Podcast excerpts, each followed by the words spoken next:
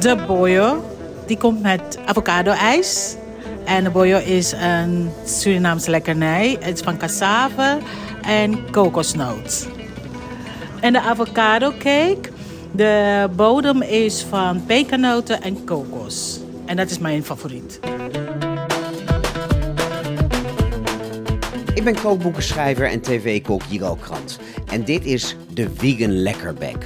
De culinaire podcast die bewijst dat engeltjes geen dierlijke producten behoeven om uitbundig op je tong te piezen. In aflevering 10 duik ik in de wereld van een tamme vrucht die in het wild voor het oprapen ligt. Ga ik uit eten in een plantaardig Surinaams tentje met een oude ziel. En beoordeel ik of de pulled paddo's van Lekkerfred, alias vieze fur, vies of fur rukkelijk zijn. Zoals altijd doe ik dat niet alleen. En deze keer word ik geflankeerd door een kunstenaar puur zang. Hij is half Brits, half Frans, maar heel Holland kent hem als de bakker die zonder boterkaas en eieren de grootste bakwedstrijd van het land wist te winnen. Hier is Enzo Perez Larboudet. Hallo, hallo. Leuk dat je er bent. Mijn eerste vraag in de podcast is normaliter. Wanneer heb jij voor het laatst iets vegans gegeten? Maar bij vegan gasten zoals jij draai ik die vraag om. En is mijn vraag, wanneer heb jij voor het laatst iets dierlijks gegeten? Oh, iets dierlijks. Dat weet ik niet meer. Ik weet wel wanneer ik voor het laatst vlees heb gegeten. Dat was in Griekenland op vakantie. En toen was ik met Amerikaanse vrienden en die wilden heel graag lam eten. Van zo'n zo'n Griekse platgeslagen lam. Toen heb ik hem wel besteld. Toen begon ik te huilen bij de eerste hap. En toen heb ik hem niet opgemaakt. Hoe lang geleden is dat? Ja, dat is ongeveer een half jaar voor corona. Oh, dat is nog niet zo heel lang nee, geleden. niet zo heel lang geleden. Toen at ik wel echt bijna geen vlees meer. Of eigenlijk zelden één keer in de maand of zo. Als ik dan uh, geen nee durfde te zeggen tegen een familielid of zo. Maar dat lammetje was echt het laatste. Het gekke is bij mij, ik ben eerst gestopt met vis, grappig genoeg. Omdat ik dan, uh, ik was ooit naar uh, de Noordpool voor een, een van mijn prentenboeken die ik had geschreven. Dus ik was met een beurs naar de Noordpool gevlogen. En daar met een bioloog drie weken rondgetrokken als soort field assistant om onderzoek te doen. En daar zag je heel erg die invloed van die visserij. Wat dat had op, op de zee en dat soort dingen. Toen voelde ik me heel schuldig. Dus ik ben eerst gestopt met vis. Uh, zuivel at ik al heel lang niet meer, omdat ik lactose intolerant ben. Dus uh, vlees is grappig genoeg het laatste waar ik mee Ja, terwijl de meeste mensen met vis toch veel minder medelijden hebben Ja. dan met een lammetje. Ja, ja en ja. Maar bij jou was dat andersom. Ja, ik had eigenlijk was bij mij. Ik ben nooit een hele grote vleeseter geweest. Dus voor mij was vlees meer iets wat ik dan kocht als ik uitgebreid met vlees ging koken. Maar ik was niet iemand die elke avond een stukje vlees hoefde te eten. Ik denk dat ik, omdat ik uit Zuid-Europa kom, misschien gewoon veel meer ben opgevoed met veel vis eten en af en toe vlees. En op een gegeven moment had ik een hond. Dat, dat was ook ongeveer de zomer voor corona. En toen ging ik veel meer. Ik weet niet, ik had heel erg het gevoel dat ik mijn hond aan het eten was als ik eh, vlees at. Dus dat was voor mij eigenlijk een beetje de laatste druppel. Dat is een vergelijking die vaak wordt gemaakt. Hè? Ja. Waarom eten we wel de dieren uit het park, de eenden, Mhm. eh, maar niet de dieren die bij ons thuis leven? Ja. En zo Ja. was dat bij jou dus ook. Maar wanneer ben je helemaal vegan geworden? Eh, ik ben eigenlijk helemaal vegan geworden tijdens Heel Holland Bakt. Of eigenlijk net een naam. Want in Heel Holland Bakt had jij nog opdrachten waarin je gebruik moest maken van Mhm. boterkaas en eieren. Klopt, ja, want eh, hoe, nou, voor mensen die het niet kijken, het is zo opgebouwd. Je hebt iedere aflevering drie opdrachten. Twee daarvan kan je van tevoren thuis bedenken en oefenen. En eentje is een soort verrassingsopdracht. En daar krijg je dus ook gewoon de ingrediënten kant en klaar. En ik had toen bedacht van, nou ja, als ik meedoe, ik wil gewoon heel graag belichten hoe lekker vegan bakken kan zijn. Dus ik ga gewoon meedoen aan de wedstrijd. zodat Dat was wel al je in insteek Ja. toen je eraan begon. Ja, ik, ik had weet nog bij de audities, toen had ik iets vegans mee. En toen uh, vroegen ze ook van, bak je altijd vegan? Toen zei ik van, nou, ik ben daar wel mee bezig om dat eigenlijk steeds meer te doen. En toen zeiden ze van, nou, als het je lukt, doe het gewoon, weet je. Maak er je ding van en eh, wees niet bang om dat gewoon te doen. Dus eh, dat heb ik ook gedaan, ja. Ja, het is wel grappig. Deze week heb ik een enquête gehouden onder mijn luisteraars op Instagram. Om eens uit te vinden of er nou veel vegans luisteren of juist alleseters. Op zich is de podcast bedoeld voor iedereen. En de uitslag is wel redelijk opvallend. 28% is vegan. Dat is natuurlijk veel meer dan de gemiddelde persoon op straat. Maar slechts iets meer dan een kwart. 27% is vegetariër. 33% noemt zich flexitariër. En 11% is alleseter. Oh ja. En deden zo'n 175 mensen aan mee. Ehm, maar er was één iemand die vroeg: is er ook een term voor als je ergens tussen vegetarisch en vegan in zit? En dat vond ik wel een hele goeie, want daar bevind ik me ook. Mhm. Eh, ik heb nog wel boter en wat kaas in huis. Ja. Maar ik probeer ook heel erg te minderen. Dus flexitarisch te zijn op dat vlak. Eh, melk hebben we niet meer, alleen nog maar havermelk. Nou ja, heel veel zuivelproducten zijn het huis al uit. Maar daar is geen term voor. Nee, ik, zei al, ik heb heel lang gezegd dat ik een strenge vegetariër was. Want ik dacht, een flexitariër is flexibel. Dus wat is het Ja, die eet zelfs nog vlees. tegenovergestelde van flexibel zijn? Is toch streng zijn? Of, Oh ja, ja. ik dacht rigide, maar dat klinkt ook weer niet. dat klinkt niet heel vriendelijk. vriendelijk. Dus ik heb heel lang gezegd, ik ben een strenge vegetariër. Omdat ik had geen vlees, geen vis en geen zuivel, maar wel eieren bijvoorbeeld. En, eh, en ik zeg nu dat ik een beetje een lakse vegan ben. Want ik ben eigenlijk vegan, maar ik heb wel dat ik af en toe honing eet bijvoorbeeld. Dan koop ik wel echt lokale honing en dat doe ik dan drie jaar met zo'n pot. Ehm, Oh echt? Ja, ik, mijn familie, ik heb een paar familieleden die bijenhouders zijn. Dus ik ben daar echt mee opgegroeid. En dan zie je heel erg dat, ja, daar gaan heel veel mensen boos om zijn of zeggen dat het niet waar is. Maar het is, de grootste deel van bijenhouden is heel slecht voor eh, het bijenvolk, zeg maar. Want het verspreidt schimmels en ze worden opengesneden om te bevruchten, allemaal hele nare dingen. Maar er zijn ook heel veel mensen die imkeren en die gewoon helemaal geen honing van hun bijen aftappen. Of mensen die nou ja, op een veel bijvriendelijkere manier bijen houden. Zeg maar in de bergen, echt met gewoon alleen de natuur. En Die niet aan het eind van het seizoen het hele volk precies, vergassen. ja, die hun koningin niet eh, dooddrukken en zo. En eh, die beargumenteren heel erg, en dat is wel echt waar, is dat de bijen tegenwoordig zo aangetast zijn door die enorme bijenteelt, dat we eigenlijk imkers nodig hebben om überhaupt bijen in leven te houden, zeg maar, wilde bijen. Ja, volgens mij hebben we vooral wilde bijen nodig en niet zozeer honingbijen. Maar ik vind golden syrup prima vervanger Zeker, voor eh, ja. honing. Ik gebruik eigenlijk honing ja, niet echt meer in koken of baksels. Dus het is meer bij mij dat ik dan als, als ik af en toe weer bij familie in Zuid-Frankrijk ben, dan krijg ik weer een pot honing mee en dan ligt dat heel lang en dan eet ik het af en toe. En de lekkerste vind ik, nou dat is waar we het toevallig over gaan hebben, maar ik vind kastanjehoning heel lekker. En dat heeft een hele specifieke, beetje dropachtige smaak. Dus heel soms één lepeltje daarvan. Maar verder ben ik Ja, of je iets heel lekker vindt is natuurlijk geen sluitend eh, argument. Hè, en Zeker, zo. ja, I know, I know. Ja.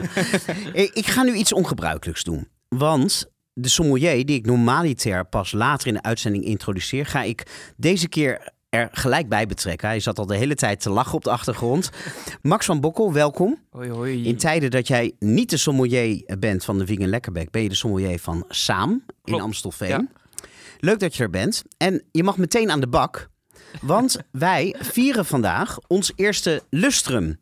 Dat is ook de reden dat deze roltongen, ik wist niet dat ze zo heten, maar zo staat het op de verpakking op Misschien tafel moet je voor de luisteraars beschrijven wat je Nou, vasthoudt. die gaan, Want die gaan zo automatisch horen wat een roltong is. Want pak er één ter hand. Ja. Want dit is uitzending nummer 10. Dat is een roltong. Ja, poëtische geluid van En daar moet natuurlijk op geproost worden. Dus vandaar dat jij al wat eerder nu de uitzending in mag komen. En ik had jou gevraagd om een eh, mooie feestelijke bubbel mee te nemen. Ja, tien afleveringen, dat moet je natuurlijk feestelijk vieren. Dus we hebben champagne meegenomen en dan van André Robert. Vijfde generatie champagnemaker. En dit is een Blanc de Blanc champagne. Maar alleen Eh, Chardonnay. Alleen Chardonnay. En Blanc de Blanc wordt steeds populairder. Je ziet het heel erg. Ruinaar Blanc de Blanc is een van de populairste champagnes in Nederland momenteel. Fantastische champagne ook. Alleen wat groter en wat commerciëler. Dus veel mensen zijn ook bezig om te kijken naar een wat kleinere huizen die ook een hele lekkere stijl produceren. En dit is een van die huizen die, die ik zelf ook veel in restaurants heb geschonken. Ook in het restaurant waar ik hiervoor heb gewerkt. Die was zo populair dat heel veel mensen ook speciaal terugkwamen voor deze champagne. En wat maakt deze champagne zo lekker? Is het eh, is een bubbel, de mousse of het aroma? Ja, dat is een hele goede vraag. Het heeft een wat rijker, wat voller, wat ronder karakter. Dat zie je ook wel vaker met Blanc de Blanc, dat het een wat ronder karakter heeft. Het drinkt daardoor wat makkelijker weg. Maar wat zitten we nou te lullen over champagne, terwijl we volle glazen champagne voor ons hebben staan? Ik eh, zou zeggen, zoals ze in Rotterdam zeggen, geen woorden, maar drinken. Ik kom wel in een goede aflevering langs. Ja, precies, ja. direct. Nou jongens, eh, proosten. proost. Cheers. Proost. Waar proosten we op? Op eh, tien Tien afleveringen jaar, in het eh, leven. tien? Nee, je moet altijd op de toekomst Oh. proosten. Nou, op honderd afleveringen. Nou, lijkt me een mooie. Ja, Zeker. Nou, cheers. santé. Lekker. Hmm. heeft inderdaad een hele mooie ronde moes. Ja, zeker. En hij is intens in karakter, maar niet te intens. Dat maakt hem ook nog wel vriendelijk. De bubbel die is heel zacht die erin zit. Een heel mooi fruitaroma zit erin, zowel op de neus als in de mond. Het is een beetje citrusachtige tonen.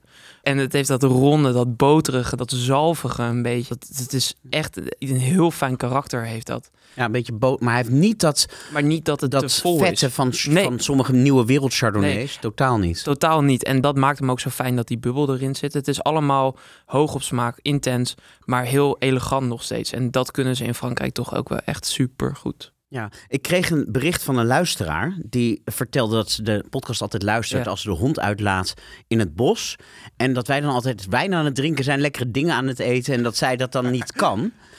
Ik zou zeggen, neem een fles wijn mee naar het bos. Ik liet vroeger ook s'avonds mijn hond altijd uit met een glas wijn in de hand. Ik geef ook altijd gekke blikken. Ja. Maar eh, niks belet je als luisteraar om ook een champagne open te trekken. Nee, zeker niet. En ik zou zeggen, neem lekker een fles champagne mee. eh, neem lekker een glas mee. Geniet er lekker van, toch? Wat mij opvalt, en dat grijpt terug op een discussie die ik eerder deze week voerde met een wijnvriendje van me. Jij schenkt de champagne in een regulier witte wijnglas. Ja, klopt. Is dat uit luiheid? Nee. nee, dit zijn toevallig wel specifieke champagneglazen die wel lijken op reguliere glazen. En Dit zijn champagneglazen. dit zijn, dit zijn champagneglazen. maar de gemiddelde luisteraar denkt bij een champagneglas aan een fluit. Klopt, zeker. En het, het- een fluit is mooi en het is feestelijk en het ziet er heel feestelijk uit. Maar een normaal, regulier wijnglas kan ook gebruikt worden voor champagne. Het heeft met twee dingen te maken. Het heeft met de moes te maken die je graag naar buiten wil laten komen in de wijn. En in dit geval in de champagne, dus die wil hem niet doodslaan.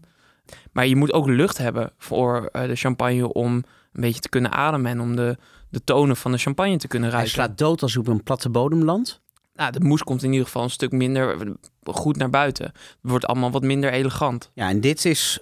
Je fluisterde me dit al ietsje eerder in. Ja, hier Dus ik zit doe nu een beetje bij de hand alsof ik dit eh Nee. weet. Maar dit glas gaat in een... Eindigt in het stiltje in een tuutje. Ja, en dat is een- essentieel. Ja, er zit een klein hoekje zit erin en de bubbels centreren dan. En vanuit dat kleine hoekje gaat de bubbel naar boven. En dat zorgt voor een hele elegante bubbel gedurende in de champagne. Daarnaast heeft hij een best wel grote oppervlakte. Een best wel grote spiegel, zeggen we dan. Waarbij de eh, champagne kan ademen. Dus dan kunnen, als je een, een slok neemt van je champagne... en je hebt je neus in het glas... dan kan je ook goed ademen. En dan kun je ook al die fruittonen ruiken. Als jij een fluitje hebt, dan past... Nou, mijn neus is best wel dik. Dus ik, mijn neus past niet eens in dat fluitje. Mijn Nee, jodenneus dat komt niet ik eens in de buurt. ik Dus- was ook niet. Ja, dus laat ze, hoe wil je dan ruiken als je niet eens met je neus erin kan? Ik Dus serveer het altijd in een koep. Dan Ja, is de bubbel kan ook. meteen weg, maar je ruikt hem wel ja. goed. Ja, ja, ja. Maar in een kop in zo'n jaren zeventig cocktailglas. Ja, en ik, ik weet niet, mijn familie drinken het altijd al uit koeps. Dus ik dacht altijd, dat is gewoon waar je retro. Maar het Ja, is super dacht- klassiek natuurlijk om het in zo'n koep te serveren. Maar dan moet je het meteen opdrinken, toch? Als je dat een, een minuut of drie laat staan, dan, is, dan zit er geen prik meer in. Nee, nee. Dat is prima. Bij mij. In ieder geval, want die koep die is... Die is Zo leeg. leeg. Ja.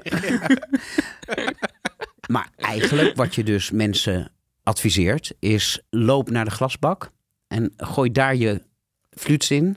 En gebruik gewoon één witte wijnglas voor al je wijn. In ieder geval voor alle witte wijn. Ja, als je zou zeggen van kijk, ik heb begin met nul of ik heb iets, maar ik zou er toch wel wil, willen investeren, dan zou ik het advies nemen om nou, sowieso te kijken naar een goed, goed merkglas. Dus niet te dik, een dik steeltje, maar gewoon eentje waar je reguliere witte wijnen in kan doen. Daar zou je ook rode wijnen in kunnen schenken. Er zit wel wat ruimte zit daarin. Ja, dat En- doe ik thuis. Ik, Ja, heb, ik heb een glas dat heel erg op dit glas lijkt. Ik iets minder spits toelopend. En daar drink ik al mijn wijn uit. Champagne, wit en rood. Ja, kijk, d- ik denk dat dat, dat is om de, voor de beginnende wijndrinker is dat perfect. Zeg je, oké, ik wil naar eh, leveltje medium of ik wil naar leveltje gevorderd, dan zou je twee of drie soorten wijnglazen kunnen nemen. En als je het leuk vindt, dan te gaan testen hoe dat zit met andere glazen. Hoe doet de wijn het in dat glas? Hoe doet de Mhm. wijn het in dat glas? Als we het hebben over champagne, dan is een, een witte wijnglas om mee te beginnen is perfect. Ik drink rood dus altijd uit een Duralex glas. Oh, echt? Maar dat is ook iets wat ik gewoon heb Maar dat is ook heel Frans, hè? Ja. Ja. Ja. Mijn opa, dat was echt zo'n Fransman uit het zuiden. En ik heb hem denk ik nog nooit in mijn leven water zien drinken. En hij zei altijd, als ik dan water inschonk, tijdens de avondeten zei hij altijd van... ja, pas op met al het water, straks ga je nog in je bed pissen. maar hij dronk zelf echt alleen maar rode wijn. En zo'n Duralex glas gewoon vanaf ongeveer half twaalf uh, smiddags, als de lunch begon. En dan tot aan het slapen gaan. Smiddags nog een beetje Ricard. Oh dat is ja. dan de aperitief. ja, ja, ja. Ja. Zijn er nog andere dingen waar jullie over willen biechten? Eh, nou, niet vandaag. Niet Nee, nou dan gaan we door. En zo. Je bent eerst en vooral een succesvol kunstenaar. Je maakt prachtige, kleurrijke, beetje sprookjesachtige illustraties in opdracht van vooraanstaande kranten als de New York Times, maar die ook te bewonderen zijn in kinderboeken en zelfs als repeterend motief op de kleding van het Italiaanse modemerk Valentino zag ik op je website. Yes, ja. Heb je het zelf in je garderobe hangen? Nee, nee, ze zijn... Nou ja, daar ga ik niet heel erg over. Maar ik heb ze nooit binnengekregen. Laten we het daarop houden. Oh, geen leuke opdrachtgever. Hoe prestigieuzer de klant, vaak hoe zuiniger ze Hoe zijn. arroganter. Ja. ja, dus het was een hele leuke opdracht. Maar vaak als je met iets commerciëlers en, en eh, populairders werkt, zeg maar, wat we dichter bij het volk om maar zo te zeggen, dat zijn vaak leukere, vriendelijkere opdrachtgevers. Ja. Ja. Nou, je maakt prachtige illustraties. Ik heb vandaag mijn hart weer opgehaald aan... Ja, wat is het? Het zijn een beetje mysterieuze, Oriëntaalse, duizend en één nachtachtige illustraties. Dat is tenminste de uitstraling die het voor mij Ja. heeft. Waarin flora en fauna een hele belangrijke rol spelen. Ja, ik denk dat je dan toch wel ziet. Mijn oma komt uit Algerije bijvoorbeeld. En ik heb ook heel erg die Britse kant meegekregen, wat heel erg gaat over die natuur. Dus ik denk dat het een beetje op een rare manier toch wel samen is gekomen in mijn werk. Dat je dat sprookjesachtige hebt van die miniaturen uit het Midden-Oosten bijvoorbeeld, Ja. Noord-Afrika. En eh, dat je toch wel die liefde voor natuur, die heel erg. Ja, ik, ik weet niet, ik keek als kind, werd ik altijd voor de televisie gezet en eh, moest ik David Attenborough kijken. Dus dat komt Moest? een beetje samen. Nou, het was zeg maar, tekenfilms mochten niet. Dus ik keek gewoon lekker een eh, BBC natuurdocumentaire. En dat vond ik ook heel leuk. En dat mysterieuze, dat beetje exotische, dat hangt ook een beetje aan jou. Je had het al over Algerije. Je bent geboren in Frankrijk. Ja, Je hebt een Britse kant. ja echt Volgens mij heb je ook een, een Indiaanse kant. Ja, ik heb geen Indiaanse kant, voor zover ik weet. Ik heb wel zo'n DNA-kit thuis liggen, dus die moet ik nog een keer doen. Ik denk niet dat ik Indiaas DNA heb, maar de moeder van mijn Britse oma, die is opgegroeid in India als dienstmeisje, dus echt in de keukens. Dus ik ben wel, ik ken traditioneel Brits eten, ken ik eigenlijk niet echt, maar wel heel erg dat Indiaanse eten, daar ben ik echt mee opgegroeid. Dus curry's, papadums, samosa's, alles erop en eraan. En mijn Franse oma, die is dus pied noir, wordt dat genoemd. Dus dat is een soort, nou, dat is als je in Nederland zegt Indo voor iemand die mix is tussen Indonesisch en Hollands, is zij echt een beetje een mix tussen, we weten niet wat van mijn overgrootopa's kant, maar waarschijnlijk Arabisch en eh, Spaans-Frans. Dus eh, zij is geboren in Rabat in Marokko en in Algerije opgegroeid. En haar moeder is in Casablanca geboren. Eh, en hun keuken is heel... Ik dacht dus altijd dat bijvoorbeeld tagines en dat soort gerechten iets heel Frans waren. Ben ik later achtergekomen dat het dus niet zo is. Maar haar keuken is heel erg een mix van Franse, Spaanse en Noord-Afrikaanse invloeden. En Ja, dat- je hebt ook wel wat weg van Zinedine Zidane. Oh, Die ja. natuurlijk ook een, Noord-Afrikaanse Ja. Fransoos is. Nou, het is echt, er zijn, vooral in Nederland kom ik bijna nooit iemand tegen waarvan ik denk, oh, dat is, dat is iemand die er echt uitziet zoals ik. Maar als ik dan echt in Marseille ben of zo, waar je echt die mix hebt van Noord-Afrikaans en Frans, zie je heel veel mensen die ook groene ogen, kaal en een baard. Voel je je thuis? Ja, ik voel me daar wel thuis. Ja, ik merk dat ik me overal thuis voel waar je veel verschillende volken hebt die samenkomen. Dus ja, Zuid-Frankrijk. Ik weet nog dat ik in Griekenland was. Ik ook wel dacht, oh, dit, deze mensen lijken ook wel op mij. Ik kan me voorstellen, Israël ben ik nog nooit geweest, maar dat denk ik ook wel. Dat ik Nou, daar Tel wel- Aviv. Ja, Tel Aviv, ja. Dat is een heel groot verschil tussen de rest van Ja, Israël en Tel Gay Aviv. capital toch of the world. Toch ben je in Amsterdam geëindigd.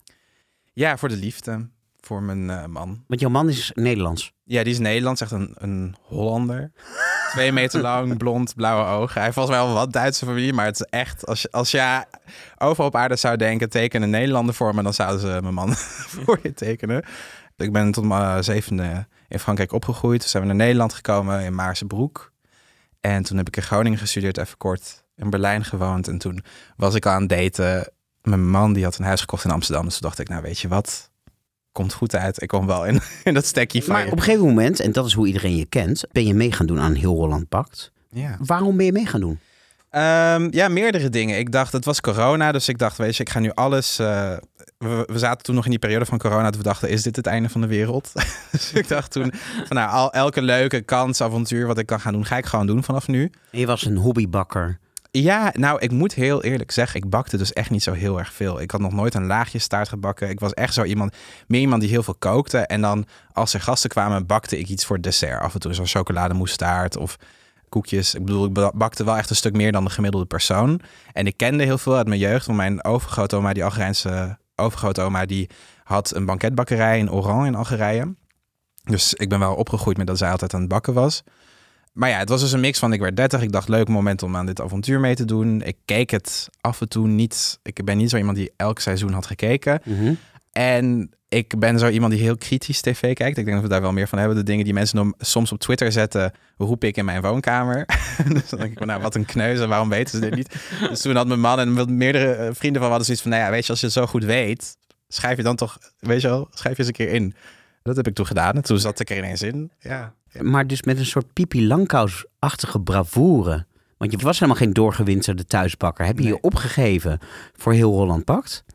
En dan ook nog eens een keer dacht je... Weet je wat, ik ga het helemaal plantaardig doen. Ja, ik dacht van, nou ja, misschien kan het wel. Gewoon doen.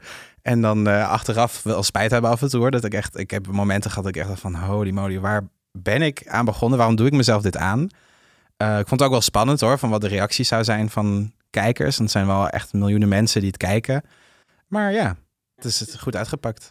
En wat was uiteindelijk de grootste uitdaging bij het wingenbakken? Wat is het ingrediënt dat je het meest hebt gemist? eieren zijn echt. het- me- Mensen denken dat een zuivel heel lastig te vervangen is bij bakken, omdat Nederlanders een volk zijn die in hun baksels heel veel zuivel gebruiken. Maar eieren zijn by far veel ingewikkelder. Want zuivel kan je meestal één op één vervangen met een plantaardig product. Dus een plantaardige melk, een plantaardige boter, alternatief dus margarine.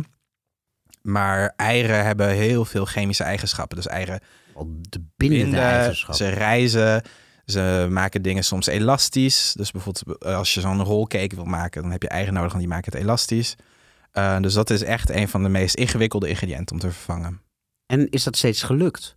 En hoe dan? Ehm, ja, dat is, het is eigenlijk wel steeds gelukt. Ik denk eigenlijk de, de taart die het moeilijkste was om te doen is... Ik denk, ik vraag me soms bijna af of ze het expres hebben gedaan. Want ze vroegen bij de audities, ga je helemaal plantaardig bakken? En toen was de allereerste opdracht was een slagroomtaart. dus dat, is, dat bestaat uit niks anders dan room, eieren en ja, verder bijna niks, lucht. Maar dat is toen gelukt. Dus toen dacht ik wel, had ik wel de, de moed te pakken. Ik dacht, oké, als dit meer is gelukt, gaat de rest wel lukken. Maar ben je dan ook op hetzelfde niveau beoordeeld als de anderen? Was het een eerlijke wedstrijd? Zeker, ja. Ik denk Robert van Beckhoven, die heeft wel echt week één, die heeft mij apart genomen. Die zei, kijk, ik vind het heel knap wat je doet en ik bewonder het. Maar hij is echt, weet je, Ja. een echte bakker en ook wel een scepticus. Hij dacht, hij heeft ook achteraf gezegd van, nou, ik dacht echt dat je de week drie uit zou vliegen, weet je wel. Van, we, je hebt een leuke persoonlijkheid, maar dat bakken, dat gaat helemaal niks worden met al die vegan keuzes van je. Ik denk dat ik heel erg het voordeel heb gehad dat we in Zuid-Europa best wel veel bijna vegan bakken. Dus we gebruiken veel olijfolie in plaats van boter. Ik, mijn theorie is dat, we, dat het veel baksels zijn die bij warme temperaturen goed moeten blijven. Ja, maar toch, ik ben ook sceptisch. Ehm, nee, want kijk, als je naar de supermarkt gaat. Mhm. dan liggen daar nu ehm, allerlei eh, plantaardige vervangers voor slagroom, voor boter, voor yoghurt. En als je die beoordeelt als plantaardige alternatieven, Ja. dan zijn ze best aardig. Mhm. Maar als je een test gaat doen met echte yoghurt of echte slagroom of echte boter ernaast, ja, dan is het toch Nou, geen partij. Dat is wel zo. En daar heb je ook wel gelijk in. En ik denk eigenlijk een van de dingen... Ik had één ding gemaakt, ik weet niet meer wat het was. Een, een, nee, die eh, slagroomtaart. Hoe kon jouw slagroomtaart? Heb je die Mhm. ronde gewonnen? ik heb niet gewonnen, maar ik zat wel hoog. Ik had het wel goed Dus gedaan. hoe kan een plantaardige wel- slagroom met opnemen tegen echte slagroom? Nou, ik denk dat je... Want één ding had ik wel gemaakt. En toen was ik... Was het volgens mij de, de zesde week of zevende week. Dus echt bijna tegen de finale aan. Ik was toen moe. Ik had geen energie meer om echt iets nieuws te verzinnen. Toen dacht ik... Het was een paasaflevering. Toen dacht ik, ik ga een cassata siciliana meemaken. Dat is een traditioneel Zuid-Italiaans taartje. Daar zit ricotta in. Er zit eieren die in. Dus stukjes in. ja, Confijt, fruit. Ja. En... nou, dat, dat is niet gelukt toen. En toen dacht ik echt van ja, de, de, fout is dus... want alle weken daarvoor die, dat ik wel een keer had gewonnen... was omdat ik niet probeerde iets wat niet vegan is na te bootsen als wel vegan... maar gewoon iets anders verzon. En dat is bij die slagroomtaart. Toen heb ik gedacht van, nou weet je... ik kan wel een soort van slagroom gaan maken... maar het gaat hem toch niet worden. Dus ik had toen een soort van oranjebloesemmoes gemaakt... Jannie vond het heel lekker. Robert vond het ook lekker, maar hij vond het geen slagroomtaart. Dat heeft hij wel gezegd. Hij zei, ik vind het heel lekker. Je krijgt punten voor je vernieuwing en omdat het lekker is, maar dit is geen slagroomtaart. Dus ehm, ik denk dat dat is wat je nu veel ziet, is dat mensen proberen, weet je, je hebt een tompoes, de tompoes is geliefd, mensen proberen een vegan tompoes te maken. Ja, een tompoes is gewoon room that's it, basically. Dus ik denk dan van ja, maak gewoon even iets heel anders. Nu roepen vegans bij bepaalde mensen ontzettend veel agressie op. Hoe was dat bij jou?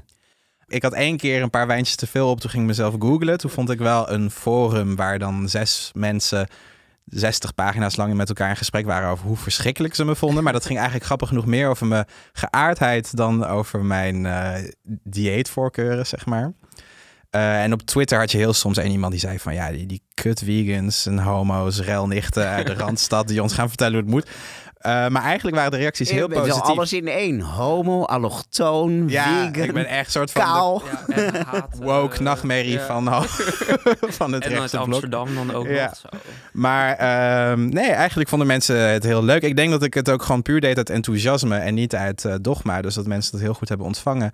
Diezelfde vraag die jij had gesteld op eh, Insta van hoeveel van jullie zijn vegan, hoeveel zijn vega, hoeveel dit, die heb ik ook gesteld. En ik heb echt heel weinig vegans die me volgen. Ik denk dat bij mij iets van 8% is en, en verder heel veel mensen die gewoon wel vlees eten, maar die wel nieuwsgierig zijn. En wat dat betreft heb je dus ook heel veel betekend voor het plantaardige bakken. Want je hebt op televisie voor een gemêleerd normaal publiek laten zien hoe lekker je kan bakken. Ik hoop het. Ja, zonder zou mooi boter, zijn. kaas en eieren. Nou ja, ik deed echt mee puur uit enthousiasme. Dus ik had niet van tevoren bedacht, ik ga mensen bekeren of zo. Dat was helemaal niet mijn insteek. En ik denk, nu ben ik met een aantal kook- en bakboeken bezig en veel recepten aan het schrijven. En mijn insteek is meer, ik wil het makkelijker maken voor mensen die het willen doen. Maar ik ben niet iemand die op de muur staat te roepen met een vlag, zeg maar. Die, eh, daar zijn andere mensen veel beter in dan ik. Maar de manier hoe je het nu doet, is dat voor mij sprak dat heel erg aan. Want ik heb het ook gezien bij Heel Holland Bakt. En ik vond het heel fijn, want het was een geluid eh, die liet zien dat je vegan kon pakken of vegan kon koken. Zonder dat het geluid wat, eh, wat er nu is, dat je eieren of melk of boter moet gebruiken, dat dat negatief is. Het is gewoon een ander geluid, dit kan ook. En dat spreekt aan.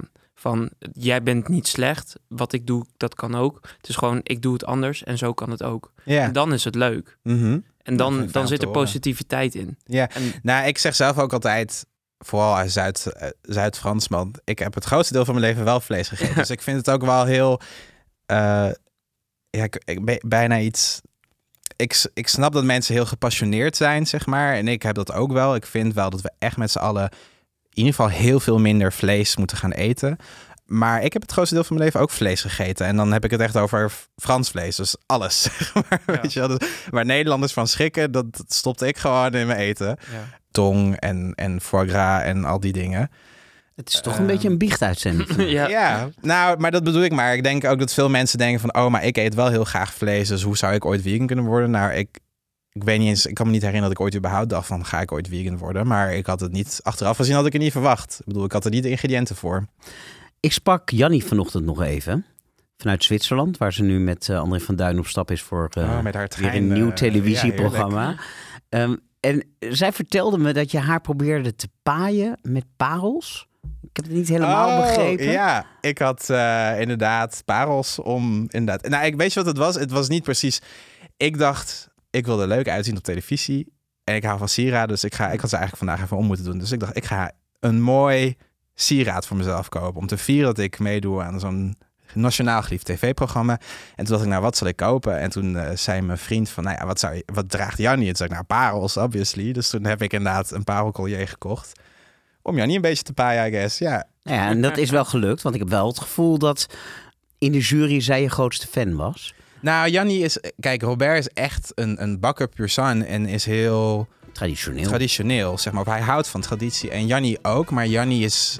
eh, ja, heel avontuurlijk. Die weet gewoon heel goed wat er gebeurt in de wereld en wat er verandert. Robert ook overigens hoor, maar Jannie is daar wel meer mee bezig. Eh, dus hij stond er wel meer voor open voor mijn gevoel. In het eerste deel van de Vegan Lekkerbek gaan we de diepte in over één gerecht, één ingrediënt of één product. En jij Enzo hebt mogen kiezen en jij bent uiteindelijk gegaan voor kastanje. Voor kastanjes inderdaad. Ja, want die plek waar ik vandaan kom in Frankrijk, als je daar gaat wandelen in het bos, zijn het alleen maar kastanjebomen. In het Frans hebben we twee verschillende woorden. Dus je hebt eh châtaigne, wat lijkt qua woord op kastanje. En je hebt marron. En dat zijn dus twee verschillende soorten tamme kastanje. En de châtaignes zijn de wat lelijkere kastanjes, die serveer je bijvoorbeeld bij vlees of bij hartige gerechten. En de marron zijn een soort de prime, de allermooiste, grote, ronde kastanjes die je ook gebruikt voor zoetigheid. Nou, volgens mij heeft het ermee te maken, maar we gaan het zo direct uitgebreid over Mhm. kastanje hebben. Is dat je van buiten niet kan zien hoeveel noten er in de bolster zitten.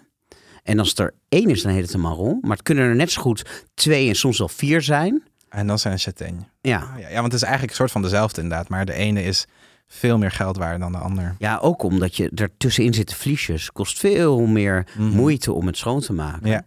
En het is zelfs zo dat je, het- je kan het niet van tevoren weten. Zelfs niet als je een boom hebt die dit jaar allemaal prachtige marrons produceert.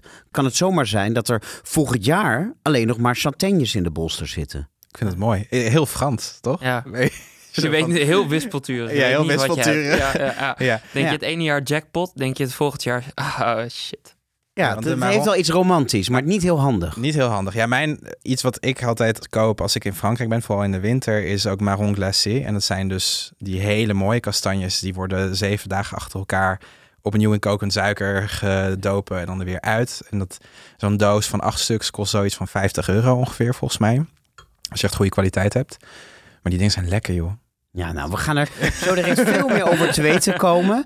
Wat je er als thuiskop mee kan maken, hoe je er aankomt, natuurlijk hoe je ze klaarmaakt. Maar eerst gaan we kastanje proeven. Want we beginnen deze rubriek altijd met een gerecht waarin het hoofdonderwerp de centrale rol speelt. Alleen al dit onderdeel van de show maakt dat ik deze podcast tot in de lengte der dagen, tot die honderdste aflevering wil blijven maken. Want jij Enzo hebt, hoe kan het ook anders, een dessert gemaakt met kastanje. En dit is het dessert dat je in heel Holland bakt in de finale hebt gemaakt. Dat jou de ja. overwinning heeft gegeven. Ja, ik moest, eh, we moesten vijf dingen bakken in de finale. Het was echt een soort van eh, slavenarbeid bijna. We moesten een trouwtaart maken, macarons, bonbons, uh, bladeegapjes en een bolgebakje. En ik dacht toen, ik ga iets maken wat gewoon heel Frans is, maar wel op mijn manier. Dus het is een gebakje, een bolgebakje met eh, aan de onderkant een koekje met rozemarijn. Een eh, kern van eh, Granny Smith, gember en Ceylonkaneel. En daaromheen zit nou, waar het echt om gaat, dus de kastanjes. Het is een mengsel van crème de marron, de marron en cognac. En dan wat zelfgemaakte pistache marsepein eromheen. En een glansje eroverheen van stemgembersiroop. Het staat voor ons en het ziet er waanzinnig uit. Maar voordat we aanvallen, moeten we eerst even de laatste slok champagne achterover slaan. Mm. Want we eten in de Vingerlekkerbek nooit zonder bijpassende wijn. We hebben net wel een wijn gedronken zonder bijpassend eten. Ja. Dat kan wel. Max, jij hebt een wijn meegenomen bij het eerste dessert dat we in deze podcast eten. Is dat dan ook een dessertwijn geworden? Het is een zoete wijn geworden. In de volksmond noemen we het dessertwijn, omdat we het bij een dessert zouden schenken. Dit komt uit de Loire Vallei, 100% biologisch, eh, biodynamisch ook nog en vegan ook nog. Dit is van de familie Menard. En zij staan wel heel erg voor het niet produceren van dessertwijn, ook al zit er restsuiker in. En dat zie je steeds meer opkomen in verschillende regio's die dessertwijnen produceren. Noem het geen dessertwijn, dus dan noem ik het ook geen dessertwijn, dan noem het zoetere wijnen. Uh, omdat je het met veel andere dingen kan combineren dan alleen patisserie of dessert. Maar wij gaan nu wel patisserie proeven. Wist je meteen, want je hebt daarover contact gehad van tevoren met Enzo, wat hij ging maken. Wist je meteen dat het een zoete wijn moest worden? Nou, we hebben contact gehad en bij patisserie, ik zat wel te denken om ook een bubbel te schenken. Dus om champagne te schenken of een andere cremant. Omdat uh, als je desserts hebt, dan is het heel lekker om iets van een bubbel te hebben. Omdat er soms wat vettigheid in je gehemelte kan blijven zitten. En dan kan een bubbel heel mooi verfrissend zijn. Waardoor je nog een slap wil nemen, nog een slok wil nemen. En het blijft allemaal heel schoon. Mm -hmm. En de combinatie van kastanje en appel, die in, hierin zit, vond ik zo'n mooie combinatie. En kastanje kan af en toe, misschien is dat niet helemaal het juiste woord, maar kan wat umami af en toe in zitten. Het is heel rijk, het is, heeft een hele intense smaak. En dat kan soms in een wijn-spijs combinatie kan dat wat lastiger zijn. Omdat uh, je die smaak hebt die kan domineren. En deze dessertwijn, niet, of deze, zeg ik het zelf fout, deze zoetere wijn, die, die kan dat heel mooi aan hebben. Die kan dat heel goed terugbalanceren, waardoor je ook met deze wijn een heel rein mondgevoel hebt. Nou, we gaan het proberen. Waar beginnen we mee? Met het dessert, een hapje of eerst een slokje? Ook hier zijn heel veel verschillende theorieën over. En wat ik zelf altijd prettig vind om te doen, is om een slokje te nemen van de wijn dan een hapje van het gerecht en dan weer een slokje te nemen van de wijn. Omdat iedereen in een restaurant eet eh, een gerecht ook op een andere manier. Dus dan wil je verschillende manieren testen hoe het dan werkt. En misschien werkt het juist op die ene manier dan niet. Of op die andere manier dan wel. Laten we het doen. Mm. Het is wel in het begin een beetje pijnlijk om het prachtige bolletje kapot te maken. Ja, dat hoort bij patisserie, hè? Ja. Oh, wat lekker, jongens. En dit is helemaal jouw gerecht. Dit is niet gebaseerd op een of andere Franse klassieker. Nee, dit is echt, daarom heb ik deze ook meegenomen. Wacht, ik eet even mijn mond leeg, want ik ben echt mega misofoon. Maar ik denk heel slecht tegen dat gesmak. Maar ehm, dit is denk ik hetgene waar ik het meest trots op was in alles wat ik heb gebakken voor Heel Lang Bakt. Omdat dit was echt helemaal mijn eigen creatie. En het is eigenlijk geïnspireerd, en dan spijt het me voor de vegans, maar ehm, ik dacht, wat is het minst vegan wat ik kan bedenken, wat ik in een dessert zou kunnen stoppen? En toen dacht ik, met kerst in Zuid-Frankrijk eten we eend. En bij de eend zit kastanje, zure, moes van de zure appel, heel veel rozemarijn. Toen dacht ik, wat nou als ik al die smaken die ik eigenlijk heel lekker vind aan mijn jeugd, bij elkaar zou stoppen in een gebakje? En het was heel erg uh, zoeken, want normaal zo'n moes doe je er heel veel uh, boter en room in. En ik dacht, ik wil niet dat het naar margarine gaat smaken. Dus ik heb daar toch even geprobeerd iets anders op te zoeken. Dus wat ik heb gedaan is, het is een mengsel van kastanjepuree. Dat koop je in blik. En dat is gewoon ingekookte kastanje. Dat is heel stevig. Lijkt een beetje op kattenpaté. En op zichzelf is het niet zo lekker. Uh, dat heb ik door een zeef heen gedrukt, zodat het heel luchtig wordt. En dan gemengd met uh, crème de marron. Dat is weer een ander product. Dat zijn lelijke geconfijte kastanjes mm -hmm. die ze niet willen verkopen. En een heel klein beetje sojaroom. Gewoon om het iets, de, het mondgevoel wat te verbeteren.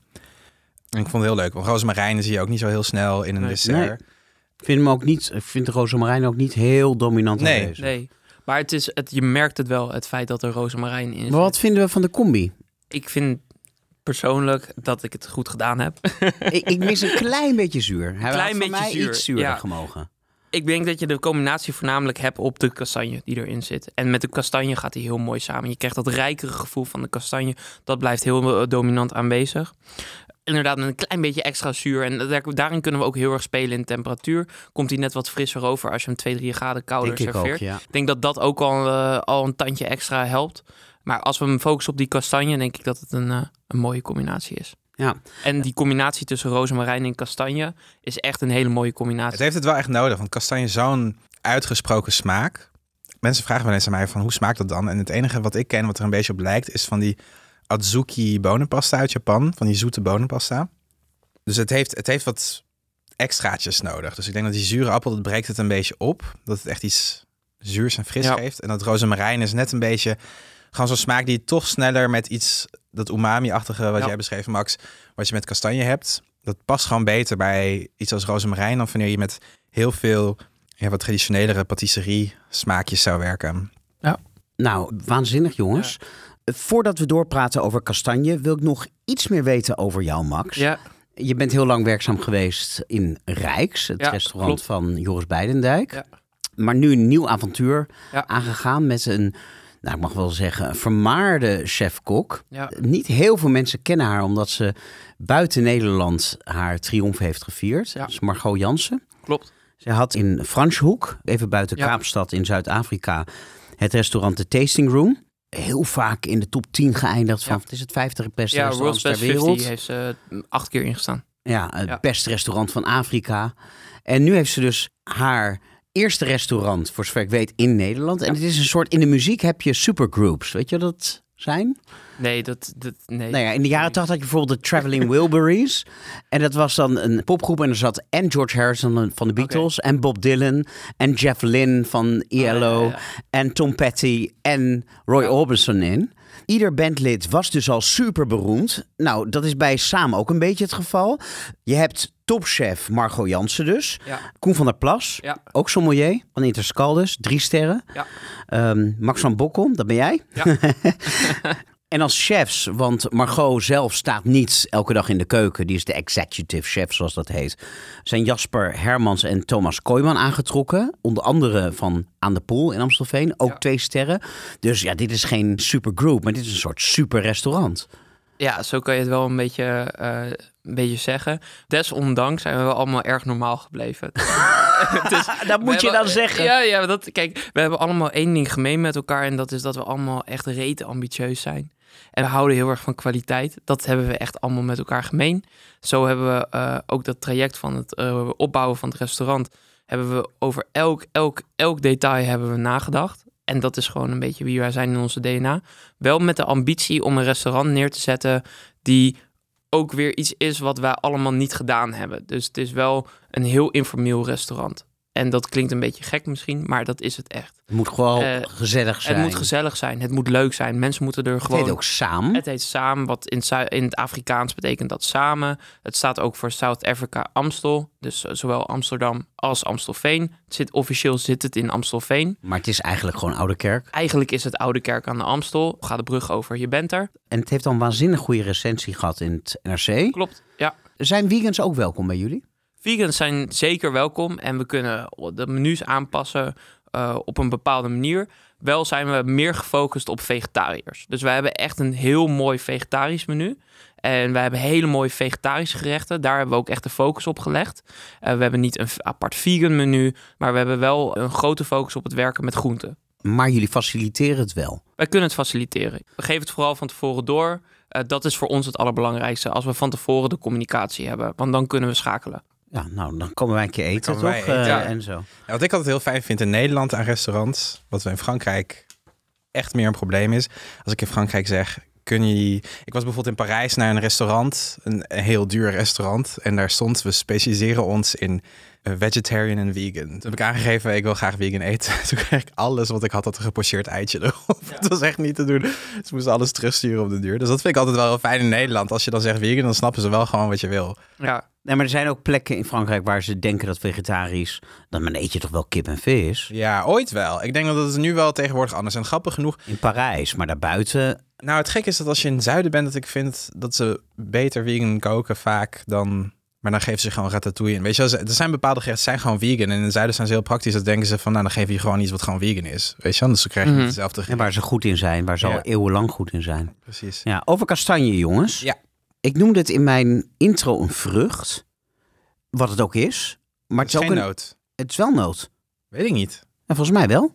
Ook een noot. Maar is een noot ook een vrucht dan? Ja, volgens mij is een noot een vrucht waar maar één zaad in zit. Namelijk die Ah. ene noot.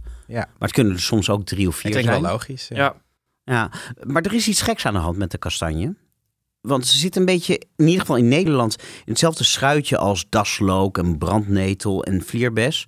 Namelijk, het groeit overal, maar we doen er niks mee. Ja. Ja, ik weet niet waar dat aan ligt. Het is iets wat in, in ieder geval in, in het noorden van Frankrijk is het ook geen populaire vrucht. Maar in Zuid-Frankrijk, Noord-Italië, Griekenland, Turkije is het wel echt iets wat gewoon heel veel in het eten verwikkeld Het zit. is een ingrediënt uit jouw jeugd. Zeker. En ik heb zelfs dus, nou, die, die streek waar ik ben opgegroeid in Frankrijk is wel echt eh, heel kastanje heavy, om maar zo te zeggen. Dat is echt, als je daar rondloopt in een bos en je weet dat kastanjes eetbaar zijn, dan valt je ineens op van, hé, hey, alle bomen hier zijn kastanjebomen. en ik heb een product meegenomen wat ook in het gebakje zit. En dat is van Clément Faugier. Dat is zeg maar de belangrijkste eh, crème de marron en purée de marron produceerder van het zuiden, van Een kwaliteit. tubetje haal je nu tevoorschijn. Het lijkt op een tandpasta tube. En dan zegt ieder kind wat uit de streek komt waar ik vandaan kom, ken dit. En als je wel eens kijkt, eh, als je voortaan gaat kijken naar de Tour de France, zal je ook ineens opvallen dat de wielrenners sabbelen aan dit soort tubes. En het is dus eh vermalen gesuikerde kastanjes. En waar koop je dit? Je koopt het met name bij de delicatessen. Dus Sterk heeft het in Amsterdam bijvoorbeeld. Daar heb ik deze vandaan. De Hanos heeft het sowieso als je naar een groothandel gaat. Nou, we zetten jou zo direct even op de foto met de tube. Ja. Dat maakt het makkelijker voor luisteraars om die tube te vinden in de winkel. En wat kan je er dan vervolgens mee? Ehm, nou ja, hoe je dit eet in Frankrijk als kind is je krijgt gewoon een, een, een eh, petit suisse, zo'n klein yoghurtje. Het is ook heel lekker met sojayoghurt. Mijn man die is helemaal fan. Maar je kan het dus ook als vulling gebruiken in gebak. Ja, het wordt heel veel gebruikt in vulling in gebak in Zuid-Frankrijk dus. Je eet het bij wild, dus dat, ja, dat gaan we eens niet doen. Maar ik heb het wel eens bij Seitan geserveerd en dat is heel lekker. Gewoon voor de naast. Gewoon een beetje wat in Amerika dus dan met cranberry sauce, weet je. Als je een beetje iets wil wat dat vlezige doorbreekt en je, je zuigt het ook uit de tube. Dat is met bijna alles wat heel lekker is. ja. Nu is wel belangrijk te weten dat er twee verschillende kastanjes zijn. Namelijk de tamme en de wilde. En ze groeien in het wild, maar je moet de tamme hebben. Dat is een beetje Ja. verwarrend. Want de wilde die wordt ook wel paardenkastanje genoemd, omdat paarden er dol op zijn. En, en varkens, en die worden er ook niet ziek van. Maar Ja. voor ons zijn ze giftig. Wat ook wel grappig is, in Frankrijk heb je dus in de volksmond worden kastanjebomen ook wel arbre à pain genoemd. Dus broodboom voor de tamme kastanjes, omdat je er vroeger in de middeleeuwen maakten ze er brood van. En je hebt arbre à saucisson, dus worstjesboom. En dat zijn de niet tamme kastanjes, maar die werden aan de varkens gegeven. En die betaalden zich dan uiteindelijk uit in de worst. Ja, Maar voor vegans zijn dus alleen de tamme kastanjes interessant. En die zijn te herkennen aan wat langere, meer ja, cactusachtige stekeltjes. Ja. En je hebt ook bolsters met veel minder stekels, die veel harder en, en meer op een egel lijken. Mhm. En daarin zitten die overbekende donkerbruine, glimmende ja. noten in met zo'n een beige vlekje erop. Mhm. Die kan je niet eten. Die kan je niet eten. En het is, ja, die huls is inderdaad het belangrijkste, die bolster. Want sommige mensen zeggen ook wel eens dat het nootje wat erin zit, dat die ook een paar haartjes op het puntje heeft. Ja. En Ja. dat is dus bij die marron, Pluimpje. die hebben die pluimpjes soms niet. Dus die zijn alsnog heel mooi, perfect rond, maar die zitten wel in zo'n buitenkant waar je ze aan herkent. Oké, en je kan ze dus rapen, ook in Nederland. Eh, Ten oosten van Nijmegen heb je zelfs een kastanjedal. Ja. Het seizoen is nu wel een beetje voorbij. Dus een herfst tot en met januari ongeveer. ja, en vooral je wil ze eigenlijk, zeggen altijd, als de eerste fors geval is, wil je ze niet rapen, want er zit er vaak een beetje schimmel in. En dan zijn ze wat meer. Ja, en er is ook een wormpje. Vaak als je, als je er 100 raapt, zijn er, zijn er 50 al niet meer goed. En ze ja. bederven heel snel. Dus eigenlijk kan je ze gewoon het beste in de winkel kopen. Ja, zeker. En eigenlijk, ik zou zelf zeggen als Fransman, je kan ze het beste gewoon kopen waar iemand ze al voor je gebakken heeft. Maar ook dan moet je er nog wel mee aan de slag. Eh, Wat kan je er vervolgens mee? Ehm, nou ja, ik ben vooral fan van de, zoete variant. Dus dat het echt al, dat je het gewoon koopt in blik. Dat is het enige wat ik koop in blik eigenlijk. Ehm, omdat het gewoon echt niet te doen is om het zelf in huis te maken. Ik denk de gemiddelde patissier in Frankrijk zal het ook niet zelf maken. Maar als je zeg maar de kastanjes zelf koopt, dus die gekookte, want je moet ze eerst koken. Dan kan je de buitenste schep eraf halen. Dan moet je ze stomen. Dan kan je de binnenste vel eraf halen. En dan moet je ze nog een keer stomen. En dan zijn ze soort van eetbaar. Liefst nog in de oven. Ik begin wel te begrijpen waarom ze niet zo populair zijn. Ja, het is een hele bewerkelijke vrucht. Ja. Maar het is heel erg lekker. Ehm, ik maak wel eens een uh, pitivier met kerst. Dat is zo'n eh, beef Wellington, maar dan Frans. Zal ik het maar beschrijven. Zo'n ronde beef Wellington die er heel mooi uitziet met bladerdeeg aan de Mhm. binnenkant. En eh, ik laat het vega gehakt gewoon helemaal links. En dan maak ik een vulling van heel veel verschillende soorten paddenstoelen met Oh, ja. stukjes kastanje erin. En het kastanje geeft toch, het heeft een beetje dat aardappelachtige. Mhm. Een beetje, het maakt het gewoon wat rijker. Ja. Wat, ja, het heeft een soort nootachtige smaak, maar niet te sterk, zeg maar. Niet Maar dat het is ook wel snel een beetje, een beetje melig, een beetje kruimelig. Ja, maar als je het goed in stukjes hakt en, en een goede verhouding hebt. Maar ja, je kan er ook eh, wat Noord-Italianen mee maken, wat ik echt hartstikke vies vind. Is eh, een soort kastanjebrood. Dus met heel veel rozemarijn en heel veel kastanjebloem koop je dan. Want dat bestaat ook als En product. je kan ook polenta mee maken. Ja. Dat, dat vind ik zelf persoonlijk veel te zetmelig. Dat is echt niet mijn eh favo. Wat ik wel lekker vind, is je kunt ook met die bloem crepes maken. En dan met een Nutella, een vegan En, eh, Nutella vulling. Dat is Je heel kan lekker. gepofte kastanjes. En gepofte dat is kastanjes. echt, En die zijn heel eh, lekker. Echt top. Even insnijden, oven op, 200 graden. Ja. Zeker insnijden, anders Ja. ontploffen ze. Ja. Ja. En op de barbecue of zomers in een kampvuurtje kan natuurlijk ook. ja, de lucht die daarvan afkomt, dat is echt... Eh, oh, In Parijs kan je ze gewoon Ja. op straat kopen. Ja, dat zou ik gewoon denken. Die in Parijs die op straat koopt, dat is gewoon een soort tourist trap. Ja, ja, echt de hele dag opgewarmd, afgekoeld, opgewarmd, Ja. afgekoeld. En dan heb je een soort van macadamia wat al 30 jaar in de zon ligt qua smaak. zeg ja. Dus ik zou ze gewoon of op een mooie markt kopen. Daar hebben ze vaak wel echt wat lekkerdere. Of eh, als je in de herfst naar de bioscoop gaat, dan krijg je soms een papieren puntzak met kastanjes in plaats van popcorn. En als je ze niet koopt op de grote winkelboulevards, niet bij eh, Printemps of Lafayette, maar dan als je meer naar de lokale marktjes, denk dat je daar ook al redelijk snel eh, prijs hebt. Nou, nu denk ik toch dat veel luisteraars nog niet weten waar ze moeten beginnen. Je hebt dus een tube, maar je hebt ze ook vacuüm verpakt. Je Ja. hebt ze in potten. Ik zou zeggen, Heb begin jij- bij de tube. Want dat nee, is maar heb jij en zo een gerechtje? Dat we op de Instagram pagina van de show mogen zetten.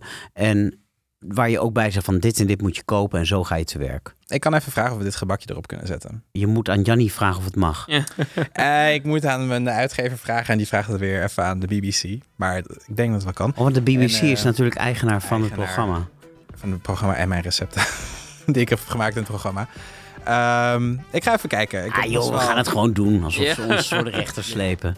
Nee, ik zal even kijken. Heel Komt goed. antwoord dit. Komt goed. Zijn we aangekomen bij het volgende deel van de Wing Lekkerbek, namelijk de restaurantrecensie.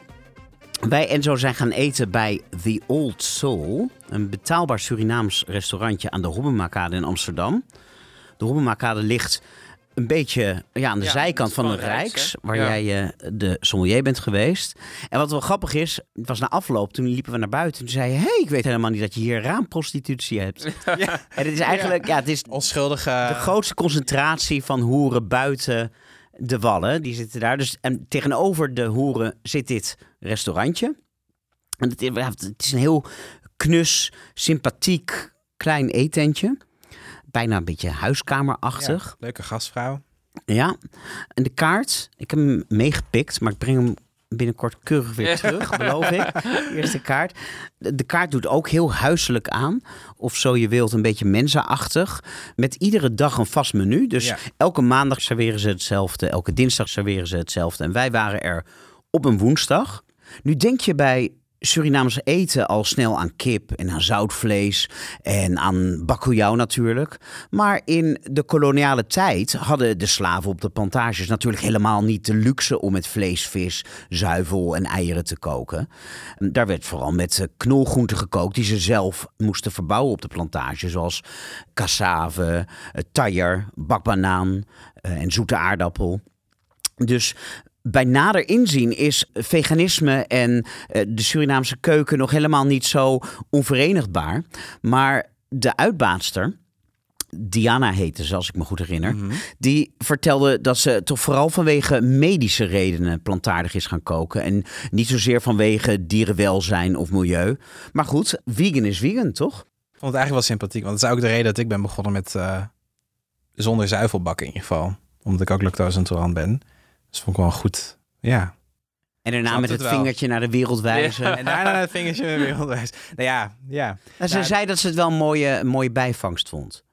Ja, nou, ik denk, bij mij ging het zo dat ik, omdat ik zelf op die zuivel ging letten, en dan zie je ineens dat er overal melkpoeder in zit. En dan ga je er gewoon meer over lezen, meer over denken. En dan kom je zo'n spiraal terecht als je erachter komt van, oh, misschien moet ik maar gewoon helemaal stoppen met dierlijke producten. maar ehm, ik, ik vind het heel leuk dat ze iedere dag een ander menu hebben. Dat vind ik wel iets. Ja, maar dat, he- dat heeft wel iets mensenachtigs. Ja. Ja. Ja, nou ja, voordat we doorpraten start ik het restaurantgeluid in. Dat ik altijd opneem om hier in de studio de sfeer van het restaurant op te roepen. En dan horen jullie ook dat het ontzettend gezellig was. Maar het grappige was, het was heel erg kort. We kwamen eigenlijk een beetje tegelijk met de rest van de gasten binnen. We hebben gegeten en, nou wat was het, een uur en een kwartier later waren we allemaal weer weg. Nou, maar het was wel woensdagavond. ja. Maar wel is- lekker voor het restaurant ook. Maar het is dus gewoon een non-nonsense restaurant. Het is niet een restaurant waar je geacht wordt om nog heel lang na te tafelen. Nee, maar op zich, ik heb zelf wat ik soms vervelend vind, is als ik dan op woensdagavond bijvoorbeeld na een drukke werkdag ergens kom en dat dan de sommelier uitgebreid Ja. wil vertellen over de wijn en dan duurt het heel lang tussen de gerechten en dan is het half elf en ik denk van ja, Ja, op een ik had gewoon even bed, serietje Ja. Maar dit is geen restaurant met een sommelier. Nee. Sterker nog, volgens mij hadden ze één fles wijn en twee soorten bier. Mm. Het gaat echt om het eten. Ja. Nou, wat hebben we gegeten? Eerst waren er Caribbean dumplings. Ja, die vond ik lekker. Kijk, weet je wat het is? Met frituur, het is vaak dat mensen denken van oh, het is gewoon frituur, het is wel prima. Maar er is niks zo vies als oude frituur. Dus ik was Ja. heel blij dat het hier gewoon echt gewoon lekker gefrituurd was. Ja, er zat geen bijsmaakje aan. Dus dat geen, niet, niet zo'n koud vet smaak. En, En ze kwamen met cassavefrietjes. Ze kwamen met cassavefrietjes en er zat nog iets bij die cassavefrietjes, maar het was allemaal een beetje door elkaar heen gesold. Ja, ik vond het niet mega bijzonder, maar wel lekker. Wel lekker. Ik vond de dumplings lekker. Ja, Ja, niet te koud gefrituurd, dat ze zich volzuigen. Ja, het waren niet van die Aziatische dumplings, het waren meer een soort van beignet-achtige dingen. Oh ja, ja. Daarna hadden we als hoofdgerecht een bami. Dat waren gebakken noedels met roergebakken groenten, sticky tempeh, salade met pindasaus en tafelzuur. En pigelsalade, dat, dat zijn beetgare gekookte, gestoomde groenten. Heel Surinaams. En we hadden moxie alesi. En dat is een rijstgerecht En dat kwam met bittere sla, met gebakken bakbanaan, geroosterde flesmompoen, tofu in een barbecue saus en tafelzuur. Ik vond die tofu en barbecue saus vond ik heel lekker. Daarvan had ik een heel bord gewild. Het was allebei heel erg ehm, comforty, heel erg Ja. thuis eten. Ik vond het lekker, maar ik vond het Ja. niet... Bijvoorbeeld die pindasaus vond ik een beetje vlak. Het was niet zo'n, zo'n beetje, je hebt soms Ja. pindasaus dat je denkt, oh... Maar dat, dat was het niet. Maar waren het grote porties dan? Of Ja. echt Ja, het waren wel grote Ja? porties. Ik, het was wel de soort tent dat als ik zeg maar Als je honger in de hebt, buurt dan- zou ja. wonen, dan zou ik wel gewoon even langs gaan om even snel te eten. Ja, Oh, en dat is heel vriendelijk is. geprijsd. Ja, precies. Maar dat is wel iets in Amsterdam. Vergeleken met andere wereldsteden is het natuurlijk wel zo dat je 15 euro neertikt of 18 euro neertikt voor iets soms. En het is soms lekker, soms... eh, Ja, Dit was gewoon lekker. Ja. Het was ook niet dat ik nog heel goed weet wat ik precies heb gegeten nu een paar weken later. Maar Het is het niet dat gezelschap je- zo ja. leuk was. ja, precies, ik was helemaal afgeleid door jou. ook. Nou, het dessert, daar weet ik nog precies wat we hebben gehad. ik ook. Want we hadden een boyo, een Surinaamse lekkernij van cassave, rozenwater en kokosnoot. Wat, zo zei Diana, geserveerd wordt op elk Surinaams feestje. Ja. En dat werd geserveerd met een bolletje avocado-ijs, met ook weer wat kokos en citrus erin. Mhm. En er was een avocado cake. Het was een soort mintgroene cheesecake van avocado. Met een bodem van piekennoten en kokos. Waarover Diana heel trots vertelde dat de kokos helemaal uit Suriname kwam. Het was wel echt een lekkere... Ja, ik vond zelf, de boyo was voor mij echt de highlight. Gewoon zo'n warm, Ja, eh. beetje broodachtig deeg. En ik vond die avocado cake echt Ja, waanzinnig. dus ik dacht wel, voortaan kom ik gewoon bij ieder Surinaams feest in de buurt even langzaam zo'n boyo op te Ja. halen. Eh, jij vond die avocado lekker. Ja, ik maar ben afgelopen vrijdag teruggegaan Oh ja, om die avocado cake te halen. Maar dat was toen net op. Dus ik ga Oh. komende eh, vrijdag weer. Maar ik vond die, als je echt een goede New York cheesecake Ja. eet. Dat die dikke laag cheesecake zo tussen je gehemelte en je tong zo. Dat het heel smeuig, heel vet Dat is. had dit precies. Ja, dit was echt heel goed. Ik denk echt door die avocado die ze hebben gebruikt. Want vaak heb je bij vegan cheesecake-achtige dingen heel veel van die vegan supermarkt Philadelphia. Dus dat heeft dan weer zo'n gekke zurige Ja. smaak waar ik niet heel erg fan van ben. En deze cake had dat helemaal niet. Nee. Overigens is dit puur mijn associatie. Hè? Diana die presenteert die eh, avocado cake helemaal niet als cheesecake of zo. Maar hoe dan ook, ik vond hem heel erg lekker. En het dessert was voor mij ook wel een, een beetje de redding van de avond. Ja? Daar- Oh, zo erg vond ik. Nee, Nee, nee, nee, nee. nee. Daar- daar- daar- Sowieso prima gegeten, maar dit vond ik bijzonder. Ja, dit was bijzonder. Ja, ik vond die boyo heel lekker. Dus daar zou ik eh, zeker voor teruggaan om even een boyo te eten daar. En ik moet zeggen dat ik het verder voor de prijs wel echt gewoon terug zou gaan als ik in de buurt was en eh, even moest avondeten. Ja, en het was niet zo'n tentje met zo'n zo'n concept wat door een ondernemer is bedacht. Het is echt een vrouw die daar haar tentje heeft en dat straalt het ook uit. Je voelt je ook welkom. Wat het wel is, ze staan daar met z'n drieën. Ze hebben ook afhaal. En wat een hele leuke, enthousiaste, vrolijke Surinaamse jongen. Maar die ging halverwege ging die weg. En daarna waren ze eigenlijk te druk bezig met de afhaal. En Ja. Moest je echt... eh, ik wilde nog een biertje met je drinken. Nou, toen, ik moest ongeveer zelf uit de ijskast pakken. Ja, dat is waar. Ja. Nou, wat ik zelf heel fijn vind met dit soort restaurants is natuurlijk als je wel echt vegan bent zelf, is dat je gewoon erheen kunt en letterlijk alles kunt bestellen. Dat is in elk eh plantaardig restaurant ja. zo Ja. natuurlijk. En wat ze ook zei, eh, is dat de soepen heel lekker waren. Dat dat echt de highlights waren. En dat hebben we dan toevallig net niet gegeten. Ja, Ik zou daar ook wel vrienden mee naartoe nemen. En eh, het, is- ja, het is niet een restaurant waar je acht gerechten eh, op je gemakje gaat lopen eten. Maar het is wel... Het zijn niet eens acht gerechten. Nee, nee. Ik zou er niet een kwartier voor fietsen. Maar als ik in de buurt ben, zou ik er zeker even stoppen. Dat klinkt als een eh, hmm, 7 min. Hmm, zeven. Zeven. Een zeven. Je bent gewoon niet zo'n fietser. nee. Ik ben, ik ben niet een fietser, nee. Ik, eh, voor dessert zou ik een 8,5 geven.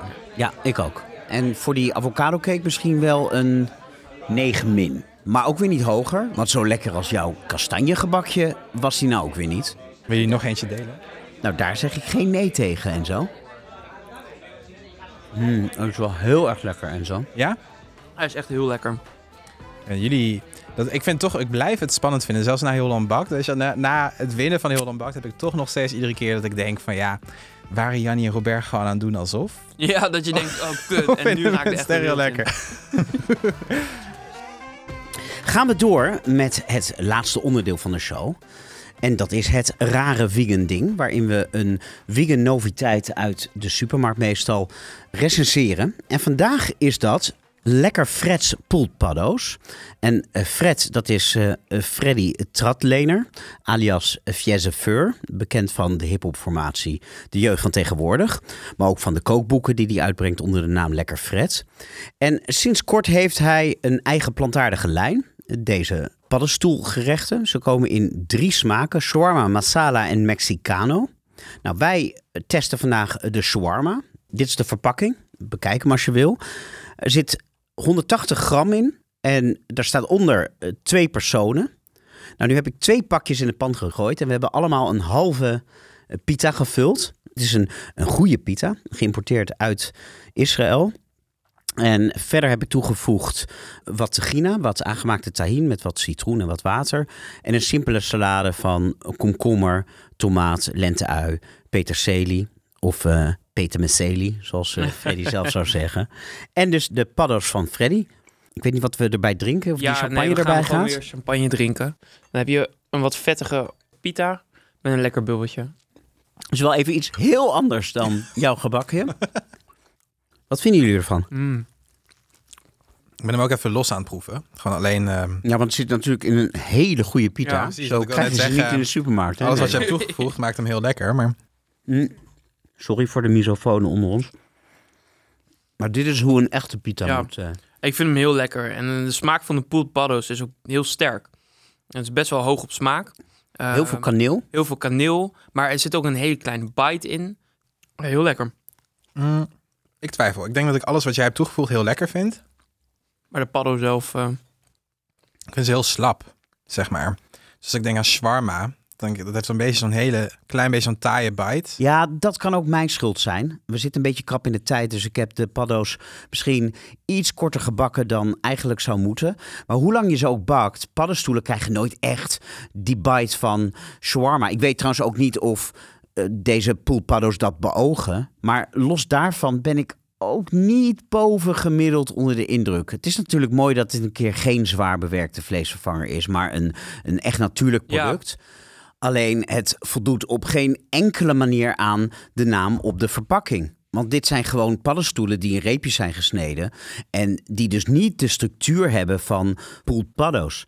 Als je een koningsoesterzwam hebt en je pakt een vork, dan kan je die echt zo uit elkaar trekken. En dan krijg je echt die draderige structuur die, die we ook kennen van, van pulled pork en pulled chicken. Nou, ik zat zelf te denken, zou het niet lekkerder zijn om gewoon even wat paddenstoelen te kopen en zelf Nou ja, de pulled paddo's te maken? Want dit, want dat zei ik dus net al.